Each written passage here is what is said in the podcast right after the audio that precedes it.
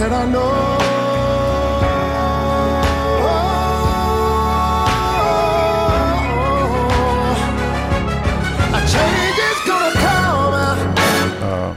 Nu ska det bli på bra humör. Nu finns det ingen återvändo. Hej, hej, hej och välkomna till ett nytt avsnitt av Skakonomics. Och nu ska ni förutom mig, Jenny Lindahl, få träffa mannen eh, från... Eh, eh main man från eh, Östermalm. Eh, chefsekonomen med den schyssta promen. Vad har vi mer? Eh, klimat... Jag, jag, jag skulle inte vinna ett rap battle va? Nej, jag, nej. Eh, men jag inser en sak nu som jag naturligtvis inte hade eh, liksom riktigt tänkt på. Att jag, jag har förtjänat nu den braiga presentationen. Ja, du kommer få enkelt. två på rad tror jag. Du, det är liksom, du har missat ett par. Ja.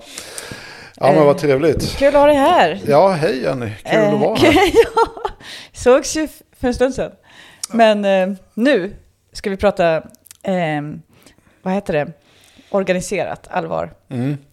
Eh, och eh, ja, alltså det blir ju lite ironiskt då, för nu när jag ska säga, jag tänkte liksom just lägga upp det så här att eh, utifrån Greta Thunbergs då bla bla bla, att man då Mm. skulle gå från från ord till handling på något vis, men det gör vi ju inte, verkligen inte. Vi kommer ju bara lägga ut en otrolig mängd ord här. Ja, Så att det blir, det blir ju mycket bla bla bla, men Ja. om bla bla bla om hur man ska, ja, och hur man ska komma ifrån bla bla bla. Exakt. Hur gör man det? Därför att Greta Thunberg eh, blev ju viral ännu en gång. Det var ju länge sedan nu. Ja, faktiskt. Jag noterade också det. Alltså, hon gjorde en otrolig comeback ifrån både av uppmärksamheten i samband med det tyska valet och sen bla bla bla. Och hon, eh, hon har ju steppat upp retoriken tycker jag. Men det är en Mm. annan sak. Det, det, det, är, ja, det är lite vässat. Men i alla fall så var ju hennes poäng att det är väldigt mycket snack och väldigt lite eh, reformer och genomförande när det gäller klimatpolitiken. Det är helt riktigt. Hon skrev, eh, för att citera henne, grön ekonomi, bla bla bla, nollutsläpp till 2050, bla bla bla. Det här är allt vi hör från våra så kallade ledare. Och så menar hon att det händer nästan ingenting, med, var väl hennes case. Det låter precis som mitt försvarstal i rättegången när jag blev dömd för hinder i trafik. Du har alltid sådana här otroligt sköna självutlämnande Nej men alltså jag, ja, Jag- partier i varje podd närmast. jag var ju klimataktivist redan innan det blev coolt. Långt innan det blev coolt. Vad bra. Jag kanske gjorde det coolt, vem vet? Mm. På, det här var början på 1990-talet. Och då så blev jag dömd för hinder i trafik. För att eh, vi stoppade trafiken i en korsning. För att skapa uppmärksamhet kring frågan. Det Jenny försöker säga nu är att hon var sin generations Greta Thunberg. Nej, det var jag verkligen inte. Men jag var mer en organisatör i skymundan. Men jag blev i alla fall dömd och då så hade jag ett försvarstal eh, i rättegången som var, alltså där jag försökte hävda nödvärnsprincipen.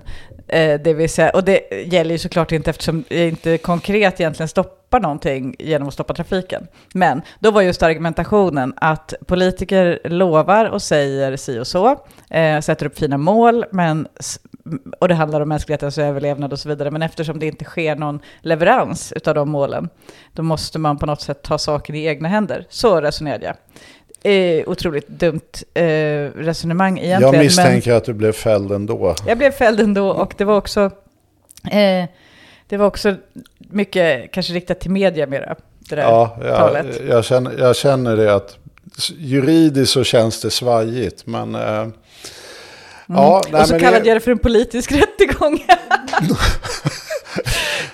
Raceade loss i medierna där. Tyvärr kunde man inte bli viral på den tiden för det fanns inga sociala medier. nej, eh, nej, men eh, så är det. det, det retoriken var kort sagt lysande, men eh, ja, försvarscaset. Mm. Juridiken var sådär. Juridiken var sådär kan man konstatera. Jo, men alltså det, det, alltså det, det första frågan man måste ställa sig nästan tycker jag när man hör liksom Gretas stora upprördhet och bla bla bla och sådär. Det är ju liksom, eller jag är i varje fall sån, eh, har hon rätt i sak? Eh, liksom, mm. Är det bara bla bla bla och, och, det händer ingenting? Och här skulle ju väldigt många som jobbar med klimatfrågan bli superupprörda som tycker att de gör massa bra saker. Eh, du menar men, liksom världsledare som åker på Ja, men att man, man har ju infört det europeiska handelssystemet ja. och man har ju gjort, eh, ja men vi har ju koldioxidskatter och vi har ju en elektrifiering. Alltså vi har ju, vi precis som alla andra länder har ju massa pigga idéer. Uh, och, och det, så att i meningen bla bla bla är väl inte helt korrekt i vet jag, att det inte pågår någonting. Det, det får man nog säga. Men Lite däremot... pågår. Men alltså jag tycker ju ändå, hon satte ju huvudet verkligen på spiken när det gäller att uttrycka i alla fall vad jag själv känner.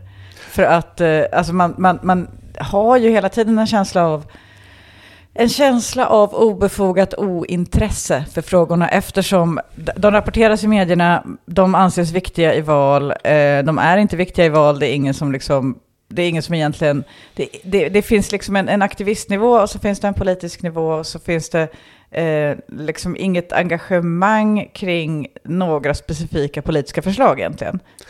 Nej, och framförallt skulle jag säga det att även om många nu mest pratar och gör lite grann så har hon ju en eh, lysande poäng i att om man tittar till exempel på som då alla kan roa sig, den, den är rätt kul den hemsidan eh, faktiskt. Den heter Our World in Data. Mm. Väldigt extremt eh, lättillgänglig data om allt möjligt presenteras där. Och tittar man då till exempel på då årliga eh, CO2-utsläpp så hade vi ju Kyoto-protokollet på 90-talet när vi tänkte nu ska vi verkligen ta tag i det här. Eh, och då hade vi, och det var inte då året det skrevs på, utan man mätte då från 1990 90 års utsläppsnivå. Mm. Så sa man, den här ska vi nu reducera. Liksom. Mm. Ja, man drog bak det och sa det att okej, okay, vi, vi, mäter alla data från 1990, så mm. alla reduktioner, liksom 30, 40, 50, 100 procent mäts i förhållande till eh, 1990 års nivå. Eh, och då, då kan man ju tänka sig, wow, här kom de på någonting, nu ska vi minska utsläppen. Eh, och gå mot noll i praktiken då. Eh, Alltså det som hände efter man skrev under det här stora internationella avtalet om att man minskade, skulle minska utsläppen var att man ökade utsläppen. Och det som är den extra lilla löken på laxen i detta avseende är att man inte bara fortsatte att öka utsläppen, man ökade till och med ökningstakten. Exakt. För det är det som vart målen sen, vi ska minska ökningstakten. Ja, och, och det där är ju liksom naturligtvis, så tittar man på den här kurvan så är ju de tre senaste åren kan omöjligen ur ett faktaperspektiv annat beskrivas som ett fruktansvärt totalt misslyckande. Alltså, så där har hon ju på fötterna avseende liksom bla bla bla om vi säger att det ändå var på 90-talet som vi tog frågan på allvar i internationella samfundet. Och det, och det tittar man även på så att säga då de eh, årliga procentuella förändringarna så eh, hackar ju de på rätt friskt och går ner då vet, eh, 2009. Men det hade ju absolut ingenting med att vi bedrev klimatpolitik att göra. Utan det var ju helt enkelt att vi hade den stora globala finansiella krisen. Och, och koldioxid är ju direkt relaterat så som vår ekonomi fungerar idag till ekonomisk aktivitet. Va? Så mm. har man liksom negativa tillväxttal som är rätt ordentliga, då ser man det helt enkelt på utsläppsdatat också. Att här kom det ut mindre utsläpp.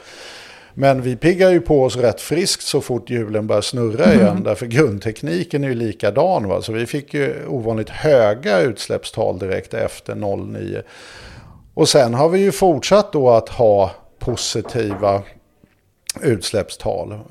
Alltså tillväxttakten är liksom 2%, 1% eller 3% och så vidare. Va? och det är ju inte direkt förenligt med de ambitioner vi har. Eh, och nu har vi en lägre ökningstakt. Men här brukar jag alltid säga att kruxet är ju det att om vi har den här kranen med vatten vattnet så är ju atmosfären avseende klimatet är som ett dricksglas du har ställt där under. Va? Och så länge kranen rinner så fylls det här glaset upp. Eh, Det vi började med att göra när vi skulle stänga av kranen, det var alltså att öka vattentrycket så glaset fylldes mycket fortare. Eh, nu är vi tillbaka kanske då, vet, vilket vi inte är, därför nu släpper vi ut på en mycket högre nivå. Va? Men vi, vi drar inte upp... Vi drar inte upp kranen hela vi, tiden. Nej, vi drar inte upp kranen hela tiden. Vattentrycket blir lite bara högre och högre i bästa fall. Vi får ju se nu vad som händer efter liksom, pandemin här, om det kommer igång lite mer igen. Va? Men jag menar, hon har ju en superstor poäng i det här att eh, vi fyller ju på det här glaset vattnet eh, med en eh, otrolig hastighet och att vet, det är ett enormt misslyckande för hela världssamfundet. Och, så att balansen emellan hur mycket det pratas om det och alla fina mål vi har och vad som de facto är gjort på marken är ju enormt helt enkelt. Eh, Och det är väl den frustrationen hon helt enkelt ger uttryck för. Men eh, idag, eh, vi pratade ju om Joe Bidens infrastruktursatsning för ett tag sedan. Mm. Idag är den uppe, eller idag, den är nu någon gång i alla fall, kanske idag, Mm. uppe till votering. Den är aktuell i alla fall i kongressen. Ehm, men är det den typen av åtgärder som, som liksom skulle ha någon effekt? Eller pratar vi om liksom att, och även de är för småskaliga?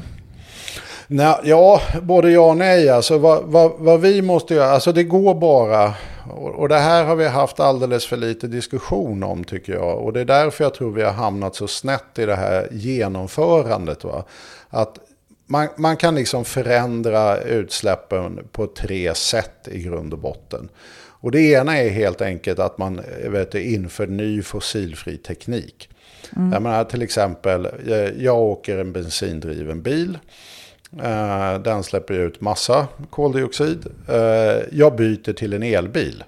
Ja, då minskar ju. Jag gör ju fortfarande samma grej. Jag åker i en bil. Liksom. Det är bara att liksom, drivlinan är annorlunda. Och det där har ju, möter ju oftast väldigt lite motstånd. Liksom att det där tycker folk är rätt okej att göra. Va? Det andra sättet vi kan göra det på det är att vi helt enkelt förändrar vårt beteende. Eh, vi ändrar oss i vad vi gör. Till exempel om vi nu tar resvanor så säger vi att Nej, men jag åkte bil. Nu slutar jag åka bil. Men jag slutar inte transportera mig. Så att jag börjar åka kollektivtrafiken istället. Det har ju också en väldigt positiv effekt på utsläppen. Så att vi kan förändra utsläppen genom att förändra våra beteenden. Och det är naturligtvis det sista som vi gjorde då i hög utsträckning faktiskt under liksom finanskrisen då 08-09. Det var ju att sluta göra grejer. Alltså jag slutar transportera mig, jag avstår den här transporten. Och då minskar man ju utsläppen. Vad, vad som är kruxet är ju det att medborgarna är ju allt annat än indifferenta emellan vilket sätt vi gör det här. Alltså om vi skulle ta allting eh, så att säga genom att sluta göra saker och på det sättet uppnå de utsläppsreduktioner som behövs. Vad händer med den här stora pedagogen man brukar prata med? om, inte det pedagogiskt? om vi skulle göra allting eh, vet, Ja, men om vi skulle göra, om, om vi är lite trött idag, men om, om vi skulle göra hela den utsläppsreduktionen som vi som behöver göra för att faktiskt leva inom våra planetära gränser.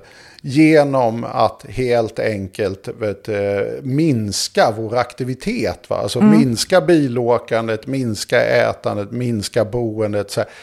Då innebär ju det i praktiken, beroende på hur man räknar, en 70-80% i neddragning utav den levnadsstandarden vi har. Och att många människor skulle tycka det var en trist lösning tror jag inte är så svårt att räkna Du ut. började ju det resonemanget i att människor då har, liksom, de har, de har en tydlig uppfattning om att de hellre vill eh, ha andra lösningar än att de ska minska liksom, ett, ett visst beteende. Ja, eh, ja eller de, helst vill de ju hålla på med det de håller på med fast med ny teknik. Eh, sen kan de tänka sig ändra sitt beteende. Va? Och absolut sämst är att för medborgarna, eller så som det upplevs, är ju att behöva sluta göra det Sluta man gör. helt. Alltså sluta typ att helt. Ändra sitt beteende, det är, att, det är att cykla istället för att åka bil. Ja, eller åka kollektivtrafik. Gör någonting som är klimatsmartare helt Mm. Och, och enkelt. det andra skulle då vara inte åka till jobbet alls. Ja, och det tycker ju folk är jobbigt. Ja. Eh, Det är svårt Och- att... Ja, nej men det är ju så. Det är mycket så att det, det är sådana stora förändringar vi står inför faktiskt. Om vi ska klara de här målen. Och, och för min utgångspunkt är ju självklart att vi ska klara de här målen. Men då måste man också göra det på smart sätt. Eh, och det innebär ju till exempel då att vi, vi måste hitta så mycket smarta fossilfria lösningar det bara går. Och där vi kan få människor att hoppa in i de här lösningarna som är fossilfria. Och det är mycket möjligt att vi kommer inte kunna lösa allt med teknik. Eller det är väl till och med sannolikt. Va? Och då måste det också till beteendeförändringar. Liksom alla som åkte bil kan inte kanske växla in i en elbil. Utan då måste de växla in över i ja, det som kallas för gång, cykel eller kollektivtrafik. Va? Men en kategori som jag inte vet vart du räknar in här, Mm. det är ju eh, ja, men helt enkelt att begränsa företagens frihet, så att säga. Um, om man tänker till exempel, en, del, en del exempel är ju eh, märk, alltså typ så här, man kan ju ändra människors beteende antingen genom att ge dem möjligheter och incitament. Alltså typ nu har vi byggt kollektivtrafik. Eller så kan man ju göra det genom att eh, ja, förbjuda en viss konsumtionsvara till exempel. Eh, plastsugrör eller så. Eh, så, så. Favoritexemplet. Men eller så kan man ju också, men jag tänker man kan väl också bara förbjuda, så att man förbjuder ett företag att eh, släppa ut en viss sak. Då kanske produkten blir dyrare. Men eh, eh, förstår du vad jag menar? Ja, att det, väl, det, alltså det kräver ingen ny teknik, det kräver kanske bara liksom att man ställer hårdare krav Jo, men det, det är ju så att säga, skulle jag säga, business as usual inom eh, miljöpolitiken. Att eh, kraven på vad som får finnas i produkter och så vidare skruvas ju ständigt upp. Menar, Så där finns det leveransen då? där finns det ju leverans. Vad, vad som är kruxet med klimatfrågan, det är ju det att det är hela basen för hela ekonomin. Alltså, vi släpper ut i allt vi gör koldioxid. Så att det, det är inte lika enkelt att bara säga att eh, som till exempel mycket av inspirationen teoretiskt inom till exempel nationalekonomi har ju kommit utifrån exempel som att här har vi en fabrik som släpper ut jätteläbbiga grejer i en liten sjö. Hur ska vi hantera det? Va? Eh, Då kan man dels då tvinga vet, eh, det här företaget att införa filter eller helt sluta med produkten därför att den här sjön är så att säga en allmänning. Att den, förbru- den har en extern effekt som är dålig och då ska företaget betala för den här externa effekten som den skapar. Liksom. Dåligheten, att man brukar säga att i princip att produkter kan ju ha bra saker med sig och dåliga saker med sig. Och företag tenderar ju då inte att betala för de dåliga sakerna, det vill säga utsläpp och så vidare. Kruxet med den tankemodellen, att ha den i huvudet när man talar om klimatet, är att klimatet är allting. Alltså det är inte så enkelt som att säga så här, ja men då förbjuder vi de här gifterna till exempel. Eh, därför att om vi förbjuder koldioxid då stannar hela ekonomin. Liksom. Eh, och det är ju det man då bör försöka undvika helt enkelt. Men då måste man hitta ett sätt att helt enkelt ersätta koldioxiden och kunna producera liknande i varje fall varor och tjänster som man gjorde tidigare. Och här är vi ju betydligt längre fram eh, utan att ha använt tekniken så mycket. Men till exempel det här som nu händer i Sverige med fossilfritt stål. Därför att en bil är ju inte bara att den släpper ut när den kör. Den släpper ju ut massa medan den byggs. Och stål är ju Sveriges enskilt största utsläppare. Så det man kallar för footprint, alltså hur, hur mycket elände en bil skapar, så att säga, är ju mycket större än att den bara så att säga, rullar på vägarna. Mm. Och det är ju här vi måste tänka då. Hur, hur ska vi kunna förändra hela ekonomins grundfunktion mm. ifrån att den faktiskt bygger på att släppa ut koldioxid mm. till att den helt slutar göra det. Mm. Uh, jag menar, förr i tiden inom klimatpolitiken så talar man ju om biffen, bilen, bostaden. Och det ligger ju rätt mycket i det. Jag menar, bostäder uh, förbrukar väldigt mycket energi, inte minst. Det är ju mm. en stor förbrukare där. Och det här gör ju det att om man tittar liksom internationellt så genererar det också väldigt mycket koldioxidutsläpp helt enkelt. Men folk är ju inte villiga att stänga av värmen, särskilt inte på kallare breddgrader. Och då måste vi ju hitta något annat sätt. Alltså hur ska vi få värme? Frågorna mm. är liksom enorma. Alltså, hur ska vi transportera oss så att vi inte släpper ut koldioxid? Mm. Eh, hur ska vi skapa energi? Därför är det någonting som sitter ihop som eh, liksom, ja, tvillingar eh, i ekonomin så är det energiförbrukning och eh, produktion så att mm. säga. Men skulle inte det då gå, säg att man bara sätter upp väldigt Okej, jag förstår att man inte kan stänga av all koldioxidproduktion på en gång, men att man sätter upp, eh, för där låter det ju ändå när du säger det här som att så tänker man, okej, okay, men om man då sätter upp mål, vad säger det här och det här året, så då ska det vara så här lite, och då kommer vi behöva reglera så att företag måste själva ta ansvar för att ställa om, en villägare måste mm. ta ansvar för att byta ut sin panna och så vidare, därför att det kommer, här kommer vara förbjudet om fem år. Mm. Det kan man väl göra? Nej, det är det man inte kan göra. Det är det som är kruxet skulle jag säga med dagens politik. Varför man hamnar i det här bla bla bla som Greta Thunberg säger är att vi har använt alldeles för mycket av den modellen. Vi har tänkt att det här får marknaden sköta. Vi använder breda så kallade teknikneutrala instrument, vilket på ett eller annat sätt går ut på att prissätta koldioxid. Mm. Det för, I och med att allt har koldioxid i sig. Va? Eh, även saker som inte har koldioxid kanske i sig när de, vilket är extremt få, för allt har det verkligen. Va? Mm. Men bara det att de transporteras till butiken genererar koldioxid och så vidare. Va? Så att det, det, är ett otroligt komplext nätverk av koldioxidutsläpp kring varenda vara. Och när du säger så här, okej, okay, vi sätter ett pris på det här, då blir det som en moms. Uh, så att alla priser skulle ju stiga och då skulle man tänka sig att Ja, men då kommer ju de här eh, vet, eh, aktörerna nu på marknaden att vilja undvika koldioxid. Och då implementerar de ny teknik. Och då har vi ju löst allting. Och det är liksom den affärsmodellen vi lite jobbar med.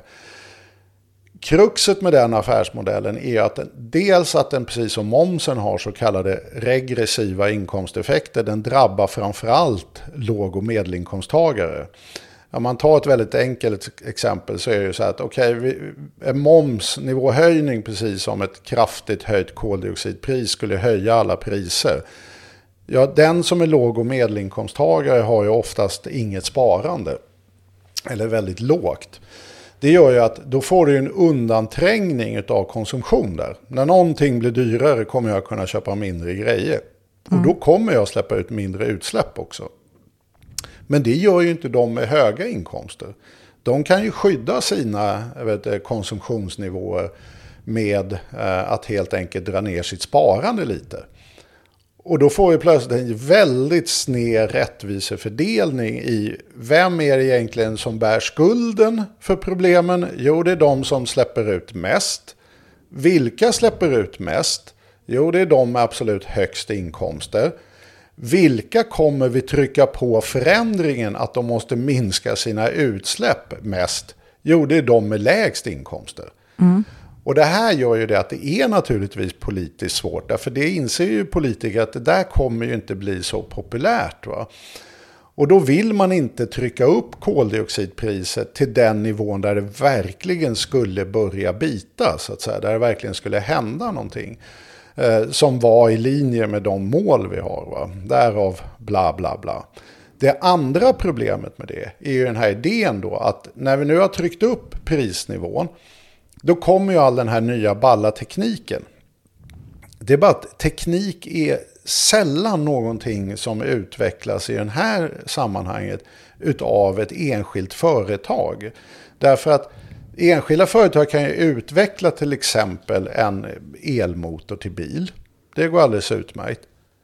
Men det är fullständigt omöjligt att sälja en elbil om det inte finns laddinfrastruktur och så vidare. Och då sitter ju marknaden och väntar hela tiden på att olika delar utav det här nödvändiga som man brukar tala om innovationssystemet ska utvecklas. Och då blir det väldigt lite ny teknik införd.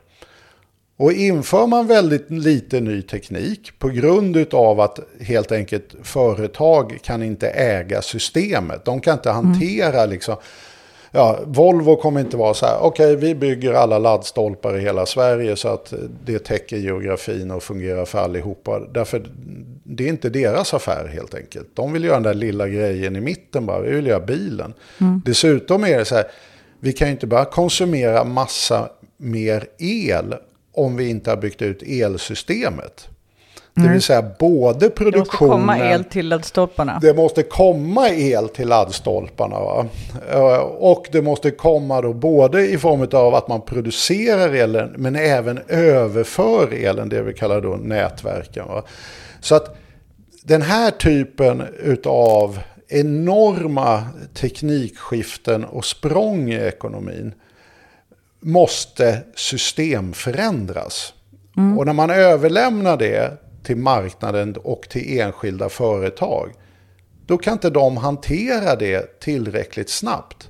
Jag menar, skulle det gå hundra år, ja men då kanske vi skulle ha laddstolpar överallt och så vidare. Och elbilen skulle vara implementerade. Därför sakta men säkert skulle det dyka upp en laddstolpe till och så vidare.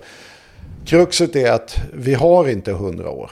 Och det är elproduktionen nu som är kanske den mest avgörande frågan utav alla. Och där nu även myndigheten nu säger att vi kommer förmodligen snabbt fördubbla vårt eh, elbehov och därmed den elproduktion och överföringskapacitet vi behöver ha. Därför att vi både behöver ställa om hela basindustrin. Vi ska få fossilfri järnmalm, fossilfritt stål, fossilfri cement. Allt det där bränner enormt mycket energi. Va? Och då, då blir liksom tesen när man tänker i marknadstermer då väntar vi tills den efterfrågan finns. Alltså man bygger så att säga intervallmässigt. Nu blir det lite mer efterfrågan, nu kommer det lite mer utbud. Och så. Därför du vill ju inte bygga ut utbudet jättemycket, därför då faller ju priset som en sten. Va? Mm. Eh, så att man vill ju hålla jämn takt mellan utbud och efterfrågan. Och det bygger ju på en tes att marknaden kan alltid snabbt anpassa utbud och efterfrågan. Men i sådana här frågor är det ren snömos. Va? Alltså, det tar 10-15 år att förändra elsystemet. Så när, när, efterfrågan väl finns där i form av ny teknik eller till exempel omställningen av hela basindustrin. Ja, då kan inte vi vara så här, wow, vi upptäckte att det finns efterfrågan, nu måste vi göra någonting. Därför då har ytterligare tio år gått. Men alltså för jag, jag tänkte ju då kring, för det här, nu pratar du bara kring utsläppsrätter, priser på koldioxid och så vidare.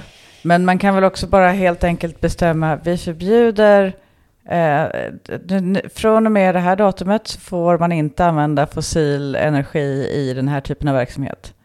Och sen så får företagen antingen bara då lägga ner eller anpassa sig. Ja, det kan man ju göra. Det kan man ju göra på var, vartenda område. Men om, om vi tar till exempel en av de stora utmaningarna vi har i Sverige. Det är ju att vi har ju en väldigt smutsig transportsektor som måste tvättas ur eh, sitt fossilberoende så att säga. Mm. Det, det, är såklart, du skulle ju kunna säga eh, sådär, va, ja, i, nästa år förbjuder vi alla bensinbilar. Mm. Eh, Gärna lite mer framförhållning. Okej, okay, om men, fem ja, år ja, förbjuder vi alla bensinbilar. Mm.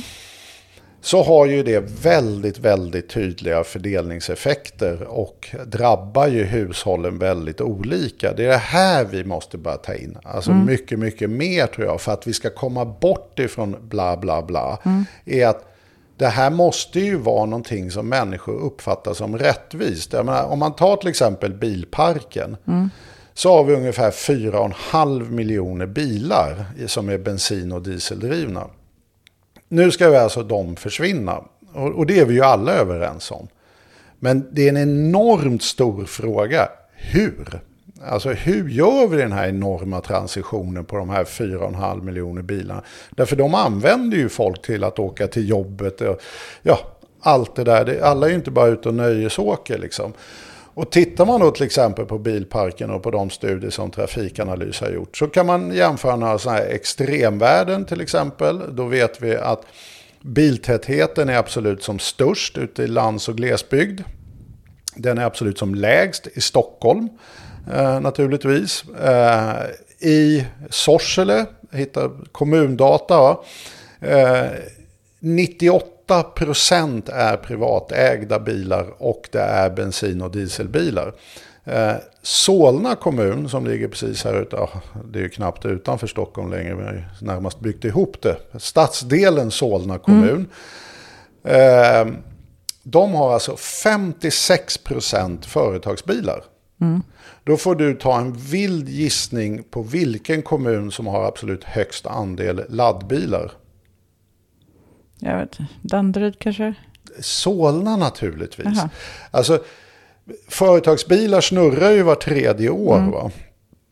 Uh, och då har du ju väldigt positiva incitament där i form av att det är mycket lägre förmånsvärde på bilen. Den är väldigt mycket dyrare i inköp men den som får bilen som förmån betalar mycket mindre just därför vi vill att det ska släppas ut. Så att det är ingen olyckshändelse att den kommun med 56% företagsbilar eh, är också den kommun som så att säga har absolut högst antal laddbilar. Mm. Så skulle vi förbjuda till exempel då eh, bilar eller bensindrivna bilar eh, plötsligt.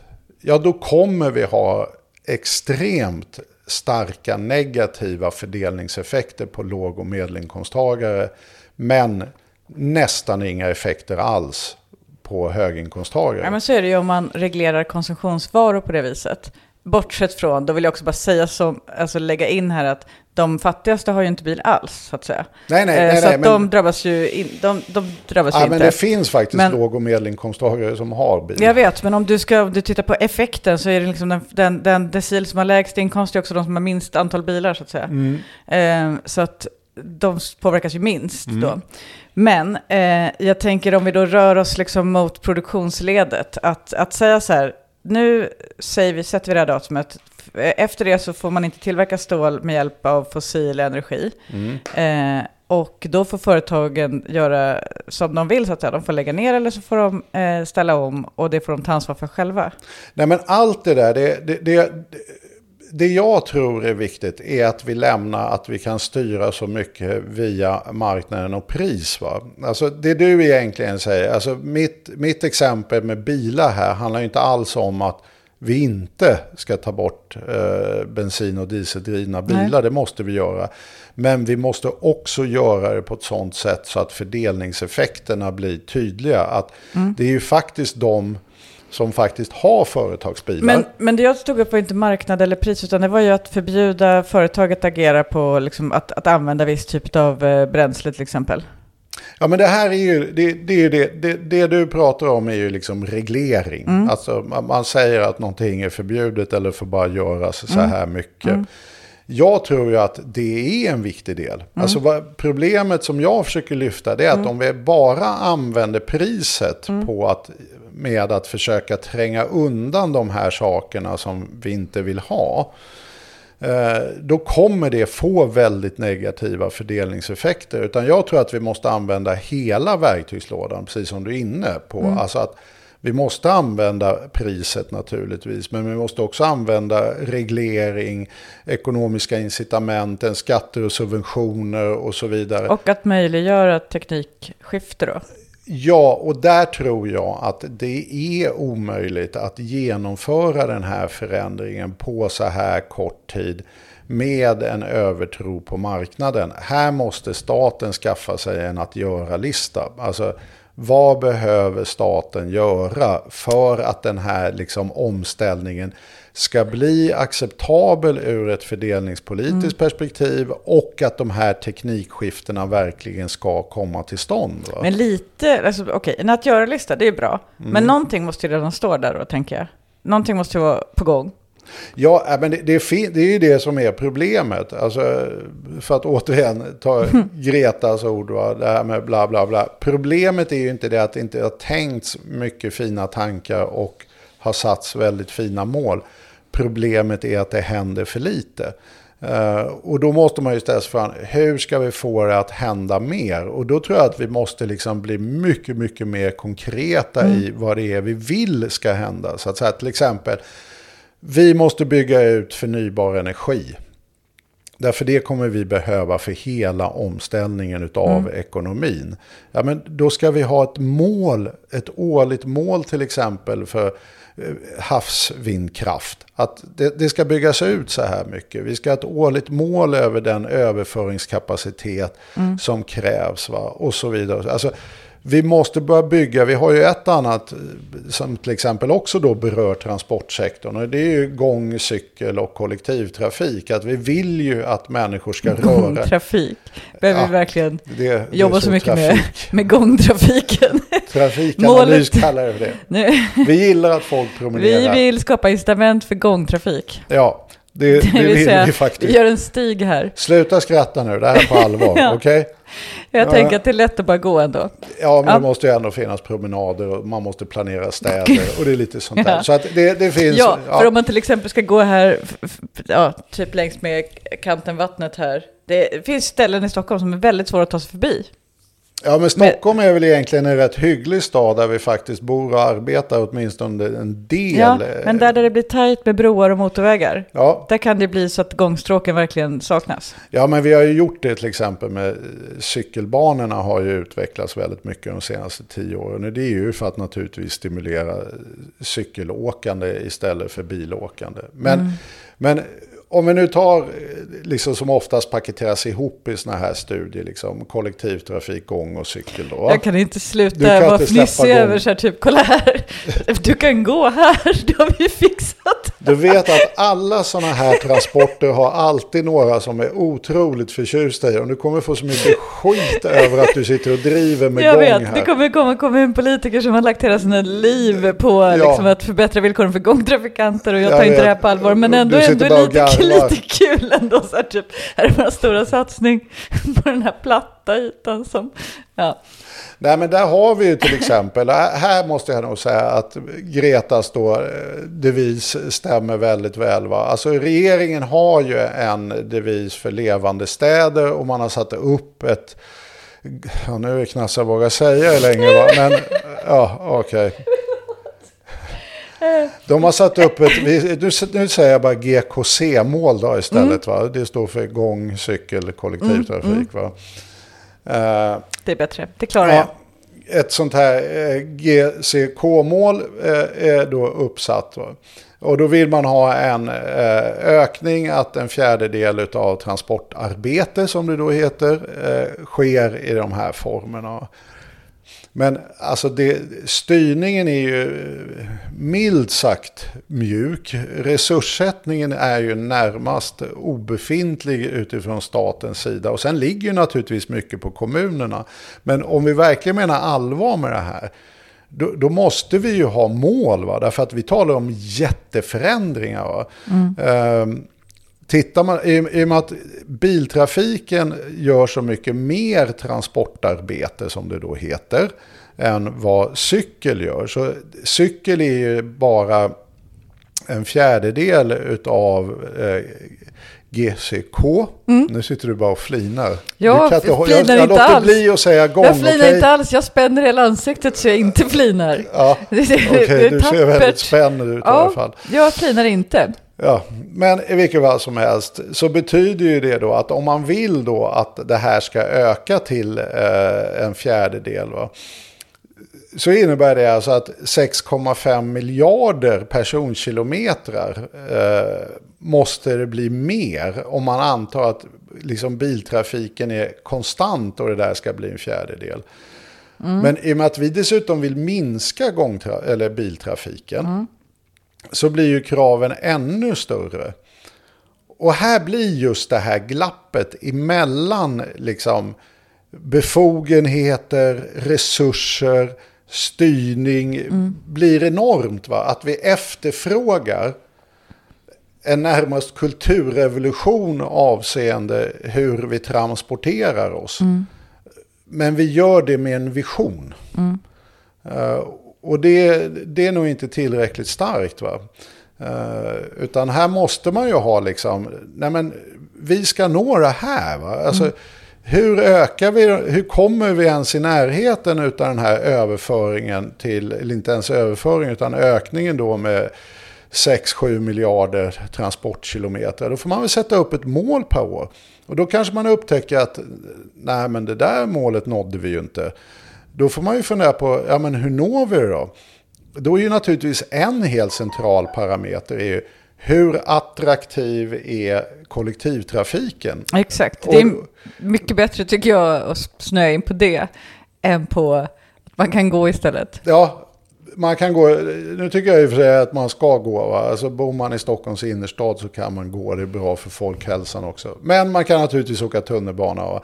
Men om tunnelbanans prissättning är helt orelaterad till det här målet, mm. då blir det liksom lite märkligt. Därför, ja, och om den är full. Ja, om den är full, För att det är den där jag bor. kvalitet, mm. eh, har dålig sträckning och är svindyr. Mm. Då, då, kommer ju folk bli sådär, nej, det där med liksom tunnelbana vet du tusan va. Intressant ju... för den här jätte, jättestora satsningen de gör med att bygga om tunnelbanan då den ska ut till Nacka och det. Mm. Eh, den kommer göra att, att min tunnelbanefärd kommer gå från att vara, ja men dyr är väl en smaksak, men det är ganska dyrt med SL-kort ändå. Jag men tycker nog att det är ganska det är dyrt ganska dyrt. Faktiskt. Dyr, och eh, att det är liksom, eh, eh, fullt på vagnarna alltid, så att det är dålig kvalitet när det gäller mm. resan, man måste stå och trängas. Eh, men att den då ändå har haft bra sträckning, det vill säga från mig in till stan. Men nu kommer de ta bort den delen i med den här omgörningen, så jag kommer bara kunna åka till Gullmarsplan. ja, nej men det, det, är ju sånt här va, som liksom, skulle man verkligen ha skarpa mål, att det skulle finnas resurser till mm. de skarpa målen, inte det här, vi ska bli fossilfria vid ett visst datum. Utan så... målen måste liksom konkretiseras på, på exakt vad, på kollektivtrafik och på Ja, men jag tror helt enkelt, vi, vi, för att vi ska komma bort ifrån det här bla bla bla. Mm. Eh, och verkligen lägga i en växel så mm. att vi klarar omställningen. Då måste vi konkretisera dem ner på aktivitetsnivå. Det är mm. verkligen en att göra-lista. Mm. Okej, okay, vi ska flytta över så här många transporter. Och, och, det måste bli en kärna i den, både ekonomiska politiken och i politiken generellt. Va? Att det här är det vi vill göra. Och då blir ju frågan så här, jag menar, om nu folk inte åker kollektivtrafik i tillräckligt hög utsträckning, då kommer ju politikerna börja fråga sig på riktigt och på nationell nivå, varför gör de inte det? Mm. Uh, ja, men det, det är ju klassiskt va. Jag menar, höj kvaliteten, sänk priset, mm. så kommer mer människor använda den Verkligen. tjänsten och varan. Det, det är ju en otroligt bra idé. Och är det det vi vill, då får vi väl helt enkelt höja kvaliteten och sänka priset för att styra över människor till de här tjänsterna vi faktiskt vill att de använder. Mm. Och så får man jobba lika på motsvarande sätt och då blir det ju plötsligt så här, Ja men vänta, det här handlar inte bara om att prissätta. Det här handlar ju om att faktiskt göra enorma offentliga investeringar. Mm. Så att vi måste göra liksom hela verktygslådan som finns inom miljöpolitiken mm. väldigt skarpt. Och tror jag i förhållande till just en sån här att göra-lista. Mm. Att det här, nu ska vi göra det här med laddstolparna. Det är årliga mål, det är skarpt. Det är också bra fördelningspolitiska effekter på kollektivtrafik ju. Väldigt bra fördelningspolitiska effekter. Och höjd kvalitet och vet, sänkt pris är ingenting som eh, vanliga medborgare skulle klaga över. Nej. ur fördelningspolitiskt är det ju mycket mer komplicerat att ställa om till Men- exempel bilparken. Jag tänker då att, okej, en sak som jag tror var och en förstår eftersom man ju liksom någon gång transporterar sig. Är liksom att, att okej, det finns ett skifte här från, från bil till att jag åker buss eller tåg eller cyklar eller går. Mm. Du, imponerande. Ja, jag klarade det. Ja. Ehm, och det är, liksom, det är väldigt enkelt att förstå och det är också väldigt enkelt att förstå det här med att i så fall måste det finnas tåg. Eh, och då måste det byggas tåg och då måste det finnas tågräls och så vidare. Så den, den, den grejen tror jag är greppbar för, Mm. för alla. Men det jag tror det är svårt att greppa, alltså, för då är vi inne på transporter. Jag tror boende är hyfsat greppbart, i viss del i alla fall. Eh, eh, det är mycket som är fjärrvärme och sådär också. Då kanske man inte har grepp alls om vad det är som kommer in i elementen och så. Men eh, annars så är det liksom, man har sin elförsörjning i, si- i sitt hem, alltså man har elektricitet och man har värme och man förmodligen vet man vart den värmen kommer ifrån och kan liksom på något sätt relatera till omställningen utav det. Ehm, och till att om man liksom har bättre isolering så går det åt mindre energi och allt sånt där. Mm. Tror jag man kan. Men sen har vi den här tredje delen som Där handlar har det till exempel inte heller hänt så mycket. När du tittar på en- energianvändningen i bostadssektorn Mm. så tittar man på regeringens skrivelse till EU där man säger renoveringar i syfte då att dra Mm. ner energianvändningen. va. Och så skryter de med att från 95 till 2017, vilket är det senaste året de hänvisar till den senaste energirapporten, eller energieffektiviseringsrapporten, Ja, det har skett jättestor minskning. Det är helt sant, va? men det är lite falskt i meningen att den skedde i mer eller mindre mellan 95 och eh, 2005. Och de senaste 15 åren har kurvan nästan varit flat. Och det här gör, en del av det här är ju det att det just är kopplat, precis som du menar, ja men vi har fjärrvärme. Jo, men det, det har ju varit stora offentliga investeringar i ett fjärrvärmesystem. Det är ju den typen av stora teknikskiften och förändringar vi behöver eh, för hussektorn för att fortsätta att trycka ner. Och där är ju bostadssektorn är ju en väldigt, jag tror att den ligger på totalt sett på 130 terawatt, vilket är väldigt mycket. Är det politiska beslut som ligger bakom fjärrvärmesystemet alltså? Ja, fast på lokal nivå. Men där har man kommit på att eh, det blir energieffektivare om vi bygger ut. Är det så man har tänkt? Ja, jag, jag tror den där diskussionen ska vi nog ta. En, det finns väldigt sars- många starka synpunkter kring den här utbyggnaden. Men i princip så är det ju så. Dessutom får du ju möjlighet att elda och skapa värmen med annat material helt enkelt. Vi, vi har gjort en, drama, en dramatiskt ur ett eh, koldioxidperspektiv Mm. så att säga. Va? Att gå ifrån villor som var, hade oljepannor på Mm. eh, 70-talet va? till att vi kan använda till exempel fjärrvärme i betydligt högre utsträckning är ju en enorm förbättring utifrån ett koldioxidperspektiv. Jag, jag utgår liksom från att min värme, eftersom jag bor nära Högdalens kraftverk som är sopförbränning. Det är väldigt mycket det. Och man bränner lut Lut? som vi får från pappers. Ja, precis. Det är en restprodukt så från pappersindustrin. Ja. Mm. Så att det, det är en enorm förbättring. Utav, ja, precis. För jag tänkte bara, vart köper man massa lut Ja, egentligen? nej, det är en restprodukt. Så att det, är ju, det är ju väldigt bra helt enkelt. Men jag tycker det speglar också väldigt väl över hur den här typen av skiften i minskning av koldioxid och minskning av energianvändningen går hand i hand med jättestora investeringar som inte kan göras på företagsnivå och individnivå. Nej, men om man då tänker, alltså, lättfattligt då, investeringar i koll- kollektivtrafik och tåg, eh, man reser annorlunda. Investeringar i fjärrvärme, man får energieffektivare bostäder. Investeringar i, i liksom andra satsningar som gör att man kan få bättre energiförbrukning. Ja, allt det där. Men... ehm, Och det- omvandla diffust- industriprocesser för det är som det, stål, ja, men det är det cement. som jag ska försöka komma in på här. Mhm. Att det är ju Så inte det- begripligt tror jag för någon. eh, vad, vad det handlar om. Därför att, i alla fall inte för mig. För att när jag sitter och försöker tänka ut på vilket sätt en industri använder fossilt, fossila, liksom, va, vad är det som pågår? Har de en sån här generatormotor som man häller bensin i på? Äh, Ja, det finns väl det med va. Men det, det, det som är stora eh, när det gäller järnmalm och stål är ju helt enkelt att man har en process där du gör själva omvandlingen till stål. Det, är ju liksom, det går ju från en materia till en annan. Och då måste man hetta upp det jättemycket då? Ja, exakt va. Och då använder man ju kol eh, idag. Vad ålderdomligt. Det ja, men det är ju en kolbaserad... Det gjorde man ju...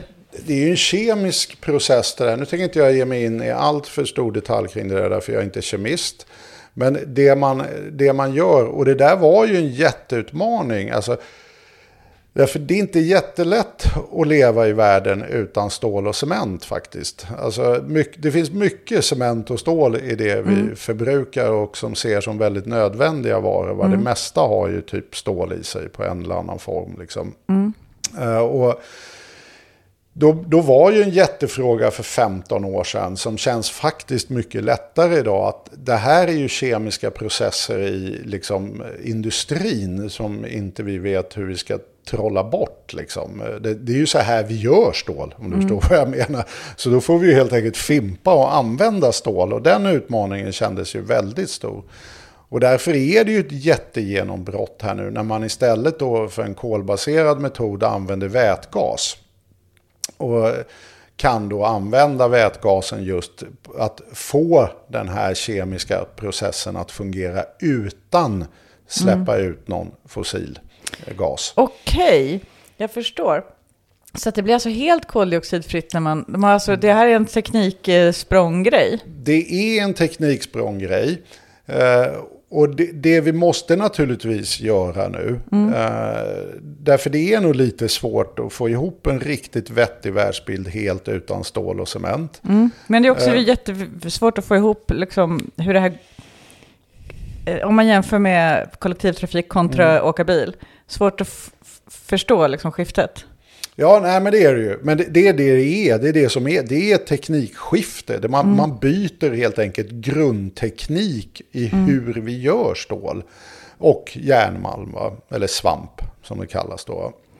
Eh, Varför? Okej, men det är en annan sak. Jag ska, Det där har jag undrat länge. Varför heter Mm. Fast svamp? det, det, det som faktiskt hör till det väl här då, svamp? vilket gör återigen hur, hur otroligt komplext och delikat alla de här pusselbitarna sitter ihop. Va? Att, jo, det där kan vi göra nu. eh, och håller på att göra nu. Va? Och det, det har ju en enorma uppsidan att då kan vi bygga den där bilen eh, med fossilfritt stål och ha en fossilfri drivlina i den. Va? Men dels drivlinan i sig kommer ju dra lite el. Va? Men de här processerna nu som berör både liksom cement och så småningom, eh, eller berör stål, cement och så småningom kommer att behöva beröra många fler processer för att verkligen uppnå fossilfrihet. De är enormt energislukande. Ja, Det känns ju som att den största utmaningen här är att få ener- förnyelsebar energi med, i tillräcklig kvantitet. Exakt va, och, det, och då händer ju det här märkliga då liksom att om, om vi inte accepterar den utgångspunkten och tycker att det där får väl marknaden ta hand om. Då är jag inne på det där jag sa tidigare att när den, marknaden dyker upp så tar det tio år minst att anpassa utbudet och så vidare. Under den där tiden så skenar ju elpriserna och det som händer då är ju det att då avstannar ju hela av, omvandlingen. Därför då blir det stålet så pass mycket dyrare än fulstålet. Att det helt enkelt får svårt att konkurrera. Därför då kommer folk tänka, därför det här är ju globala marknader, man tänker SSAB och så vidare. Nej men eh, folk är inte så känsliga för att det är lite fulstål i bilen och då får den ändå lite billigare liksom. Så att det gäller ju att se till att de här nya teknikerna blir konkurrenskraftiga och bra. Va? Och det tjänar vi ju allihopa på. Eh, Men då måste vi också bygga ut då enormt mycket den förnybara energin. Eh, Och där har vi ju liksom naturligtvis ja, jätteutmaningar. Va? Men om man jämför då med, med den här andra tesen som jag hade i början med att man kan väl bara bestämma att nu är det det här som gäller och så får företagen välja att dö eller anpassa sig. Eh, eh, så, så är ju ditt, jag förstår ju liksom att de inte själva kan ordna att det finns elförsörjning i hela samhället. Men eh, man kan väl ändå tänka sig, alltså det är ju ändå att man liksom lägger väldigt mycket pengar på att någon ska göra vinst. Om du förstår vad jag menar?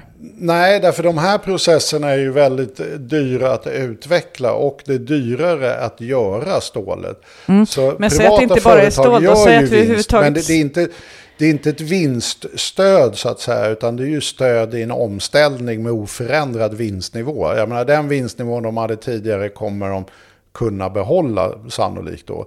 Eh, så att, men de har ju stora investeringskostnader, staten kommer behöva stora investeringskostnader. Men så att det, det, är inte ett stöd till att göra vinst, utan Nej, det är ett stöd till att göra en omställning. Jag fattar ju att det inte är så, men, mm. men, men i, i grunden så är det ju då, och jag menar vi vill ju ha företag, men i grunden så är det ju liksom att man, man, det man gör är att man gör, bygger infrastruktur, man bygger satsningar, mm. man satsar massa pengar. Eh, och, och, och, det gör man för att till exempel ett företag ska kunna producera någonting. Eh, och, och det i sin tur då, det, då, det går ju till en vinst. Och eh, också så att säga. Det, det görs ju förmodligen en vinst, annars skulle inte det här företaget finnas. Medan man ju å andra sidan, nu, nu tänker jag ju väldigt vänster här, mm. men ja, jag tänker det. liksom att det, där, det finns någon orimlighet i det där att om vi behöver det här företaget, vi behöver producera stål, eh, eller cement, då kan vi väl ha ett statligt företag som gör det, så behöver inte, ha någon, någon, någon liksom, behöver inte pengarna försvinna ut i liksom, kapitalackumulation. Ja, men jag tycker det är en helt annan frågeställning än klimatomställningen, därför den frågeställningen egentligen lyfter upp, ska vi ha företag med vinst? Och det kan man ju diskutera tills man Ja, men alltså men så här, företag med vinst kan ju få ta ansvar för sina egna infrastruktur, eh, för sina egna investeringar då. Jo, men det, är ju lite det de har gjort va, i meningen av att de har inte valt att gå över i den här nya tekniken. Det är ju det, de gör ju, företag givet hur världen ser ut mm. idag, gör ju sina investeringsbeslut att Tror vi att politikerna kommer att liksom våga trycka på med den här typen av insatser, givet att de har så negativa fördelningseffekter? Och då kan man nog säga att marknaden i huvudsak har reagerat med att nej. Och de har i huvudsak också fått rätt. Mm. Därav bla bla bla. Mm. Det som måste hända nu, det är ju att både privat och offentlig sektor ställer om sig till att just jobba istället i den riktningen. Eh, givet nu de eh, privata företag och så vidare vi har. Va? Och jag tror att det man glömmer bort i den här typen av diskussioner det är ju att det är alltid hushållen som sitter i kläm. Va? Alltså mm. det, om, om till exempel vi får en mycket högre industriefterfråga på el, vilket vi nu är på väg att få, de sitter ju med långa kontrakt som de förhandlar direkt med energibolagen. Elen är en begränsad vara. Det finns bara ungefär som, ja, man kan tänka en batteriliknelse. Mm. Va? Snor, snor liksom lillasyrran 90% av batteriet så finns det bara liksom 10% kvar till lillebrorsan. Va? Äh. Var båda småsyskon? Ja, båda två. Den, den de, har en, de har en äldre som inte använder el alls, utan som har valt Nej, ett liv i naturen. Utan el. Mm. Uh, och då är ju det, det, det, enkla faktumet är ju det att när industrin börjar tugga i sig den här industri, uh, elproduktionen, ja vad händer då? Jo, då skenar hushållens elpriser. Ja, just det. Återigen med väldigt regressiva effekter. Mm. Det vill säga det kommer drabba rika väldigt lite och fattigare hushåll väldigt mycket. Va? Är, är det verkligen så? För att, är det inte så att fattiga också förbrukar jättemycket mindre el? Jo, det är helt sant. Eh, och det, det, är ju det som är den regressiva effekten. Va? Alltså, när, när du tittar på hur ekonomin fungerar va, så brukar ju då de rika människorna, de brukar säga att jag betalar mycket mer i skatt än vad fattiga människor gör. Mm. Mm. Det är sant. Mm. Eh, sen är ju frågan då så här, hur mycket mer i skatt betalar du? Därför om båda två, låt oss säga att vi har platt skatt i landet, då betalar båda två 30% i skatt. Då betalar ju den som har högre inkomst mycket mer om den är mångmiljonär till exempel, än vad en ja, undersköterska gör. Men det vi säger, det är ju skatt efter bärkraft. Det vill säga att i och med att undersköterskan lever på en hundraprocentig konsumtionsbenägenhet, det vill säga bränner varenda spänn. Va? Så om det petas in en ytterligare kostnad in i undersköterskans ekonomi, då kommer hon vara tvungen att ta bort delar av vad vi skulle kalla livsnödvändigheter. Va? Hon kommer vara tvungen att dra ner på maten eller någonting sådär. Va? Stäng de- av Netflix-abonnemanget. Eller fimpa Netflix-abonnemanget eller eh, sluta åka ut och bada med kollektivtrafiken för den är för dyr och så vidare. Man har ju läst en hel Ja. sån del sådana historier. Va?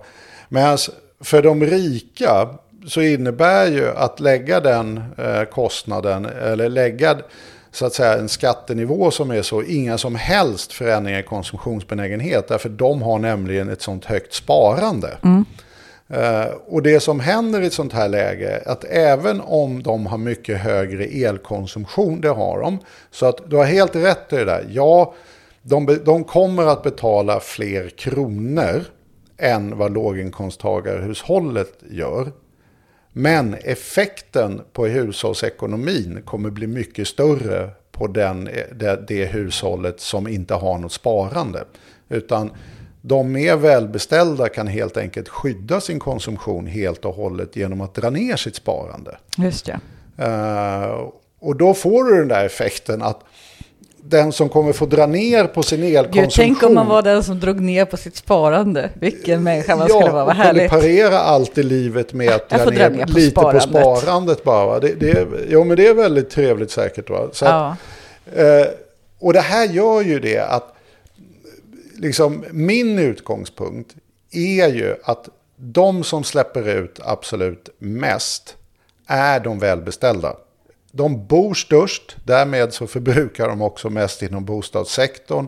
De kör bil mest, de konsumerar mest och så vidare. Så att de är ju by far de största utsläpparna. Om vi delar in hela... Och de kan vi inte få sluta med det, för då minskar de bara sitt sparande. Precis, och så trycker vi upp prisnivån i allmänt. Så minskar de sitt sparande och fortsätter som vanligt. Ja, eh, och då, då kommer vi se att det vi får är en ännu skevare konsumtions och utsläppsprofil. Mm, det här är upprörande ju. Det är väldigt upprörande och inte alls i linje med den eh, politik så- som vänstermänniskor Och de där traditionellt jävlarna, de, de vi pratar om nu. Ja, Så kommer de, och så kommer de liksom så här gå där och liksom sopsortera och tänka att allt är löst. Precis. Och det där är det vi måste komma Kanske åt. se ner på den här undersköterskan som inte orkar sopsortera. Ja, och då måste vi hitta ett system, någon slags real polluters pay-system. Va? Att de som faktiskt släpper ut mest i samhället, de 10% rikaste säger vi i samhället, de har delat in alla i 10 grupper, de måste stå för notan för den här omställningen. Ja, där har vi något. Ja, och då måste vi se till att hålla då de som är låg och medelinkomsttagare så skadelösa som möjligt. Och gör vi då sådana här saker som att nej men vi struntar i att bygga ut elnätet eller gör det alldeles för långsamt och så Nu är det väl i och för sig ingen som brukar driva det. Nej, nu är det ingen som, men det var du som närmast drev Ja. det alldeles nyss. Nej, men jag drev på något sätt, det var en ilska mot företagen där bara. Ja, men det, jag, jag tror att Tycker vi, jag ändå vi ska göra det. Ja, jag, jag tror vi måste förhålla oss till den verklighet vi har idag. Mm. Alltså, hur gör vi? Det är också en sån där grej som kan ibland störa mig Ursäkta, lite. i min verklighet som vi har idag, Hur- där kan vi mycket väl starta statliga företag. Jo, men hur bråttom har vi? Det är ju en helt avgörande faktor. Ja. Alltså den styr faktiskt väldigt mycket. Om vi säger att vi ska fixa det här på 10-15 år. Va? Alltså alla de här jättespännande idéerna om att jag har en superball teknik som eh, år 2090 kommer lösa alla världens problem. Det är under lite avdelningen eh, intresseklubben notera. Va? Jättebra, men vi behöver börja göra de här grejerna nu. Och då är det ju så. Då måste vi in, använda den teknik vi faktiskt har utvecklat nu och vidareutveckla den teknik vi har. Och det är likadant med det samhälle vi har. Vi kan inte föreställa oss att vi ska göra den här förändringen i ett helt annat samhälle än vad vi har. Utan vi behöver nu ändra det här eh, med att vi släpper ut otroligt för mycket koldioxid omedelbart. Jag är på din plan, den är bra. Mm. Tillåt mig också ändå få tänka lite mer på, för nu tänker jag att vi borde verkligen ha fler statliga företag. Men... Det är inget hinder. Nej. Jag tycker det är lite en annan fråga. Nej, nej, inte bara, för att då kan vi också, jag menar det skulle underlätta en del av de här processerna. Jag tycker nog tvärtom att vi kan försöka mer target grejer som faktiskt skulle vara helt väsentliga för de här processerna så man håller sig på frågan. Vi har till exempel... Det finns ingen motsättning, men nej, men man tar det ändå som urvalskriterium Ja, ja. tänkte jag. Om vi håller oss till klimat... Politiken Politik, så gör vi med, det. då är jag med.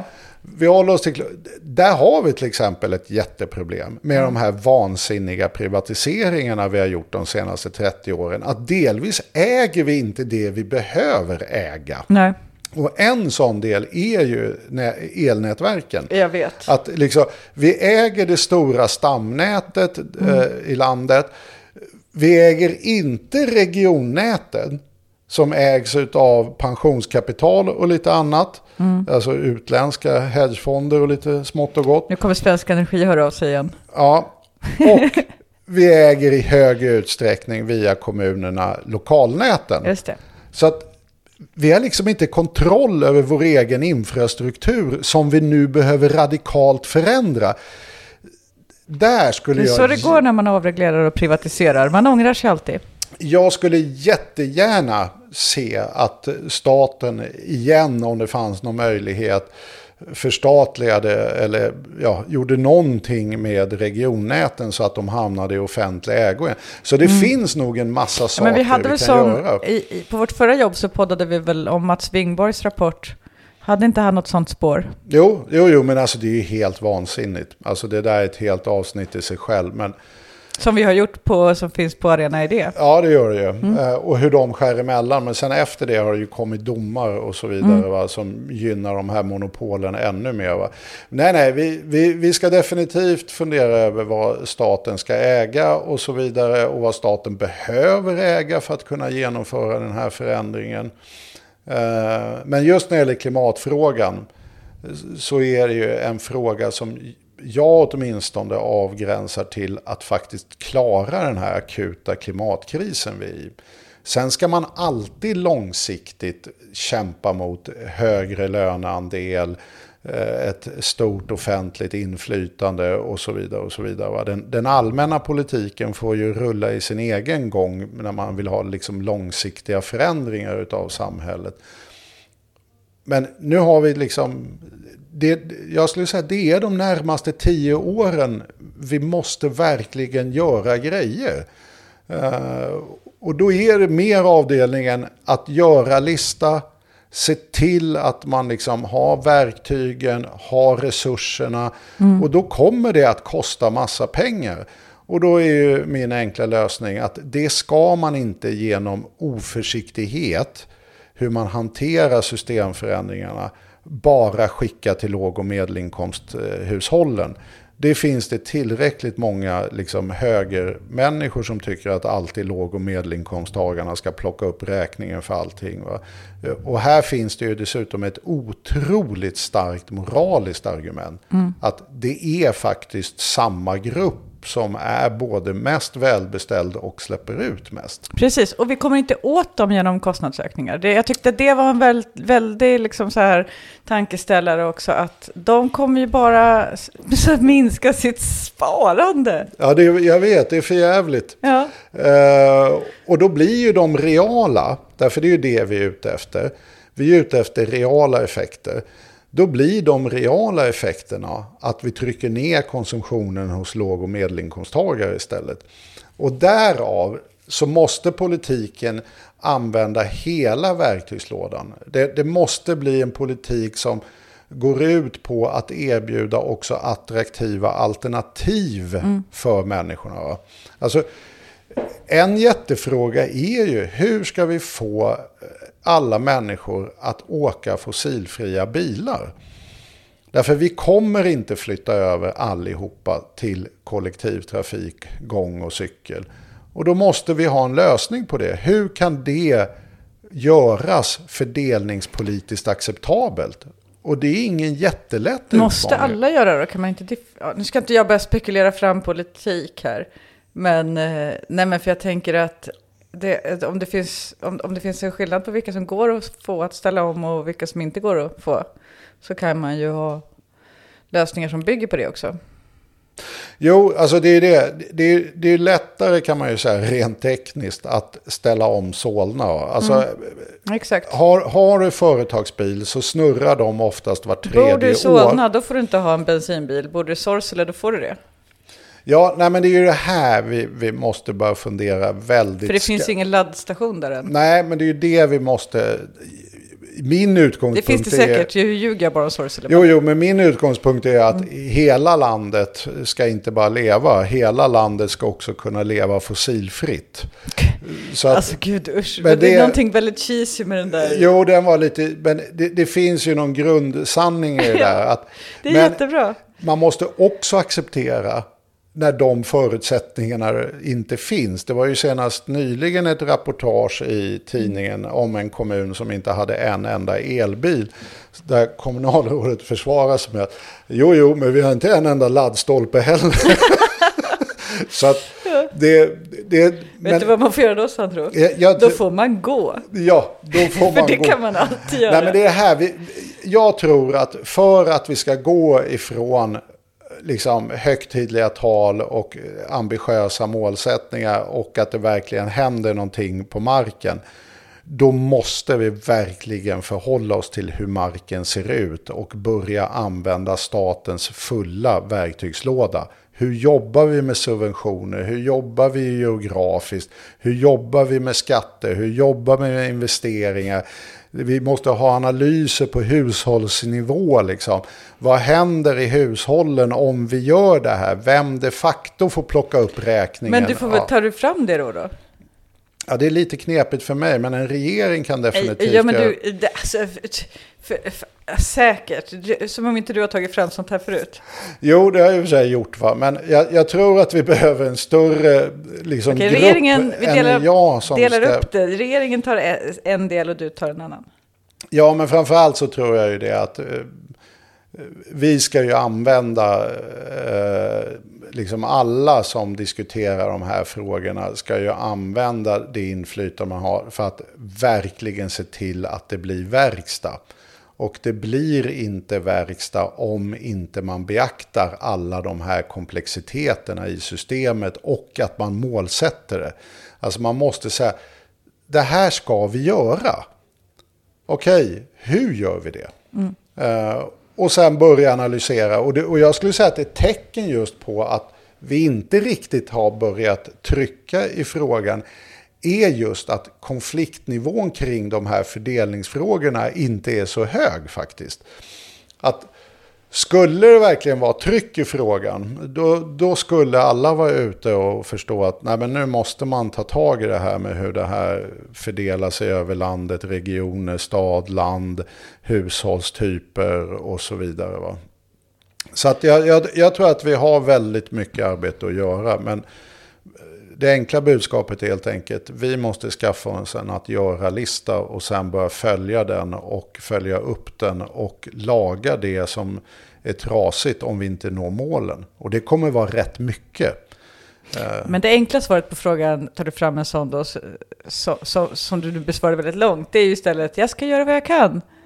Var en yes man här nu. Ja, men jag, jag ska definitivt göra Du vad ska jag göra kan. vad du kan bra. Ja, jag ska göra vad jag kan. Eh, Så får någon annan ta en annan del, men jag menar någonstans kommer du ju på att göra listan. Nej men, jag, nej, men jag tror ju att vi börjar nå faktiskt en mognad i det här. Det, alltså, jag varit närmast glad när faktiskt Greta Thunberg sa det här. Va? Därför att Jag jag, med, för så känner man ju. Ja, men jag, jag har känt rätt länge att det är väldigt mycket målsättningar och väldigt mycket ord.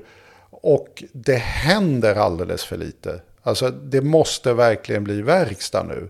Mm. Uh, och, och blir det verkstad, då kommer man att behöva hantera det vi alltid hanterar. Alltså vi, vi kan ju liksom slå ihjäl varandra över, i politiken över om två miljarder ska dit eller två miljarder ska dit. Fatta vilket liksom bråk det kan bli när hela ekonomin på riktigt ska börja ställa om på tio års tid. Vem vinner, vem förlorar, vem ska få pengar? Alltså, och att vi inte är där i den kampen är tyvärr ett tecken på att det är alldeles för lite verkstad. Ser fram emot mer konflikter om klimatpolitiken då? Jag skulle säga att jag skulle faktiskt se det positivt. Mm. Om folk började verkligen banka på varandra om att den här gruppen förlorar om vi gör så här, den här gruppen vinner, jättebra. den här, För det då här betyder det att vi är på väg någonstans i form av att formulera någonting som sker på riktigt. Ja, exakt. Men med det så får vi avsluta och så får vi säga hej då eh, och, eh, eller mm, hej då bara. Hej då bara. Vi är så pigga. Ja. Hej då. Hörs om ett par veckor. Vi gör det. Ha det bra. Hej.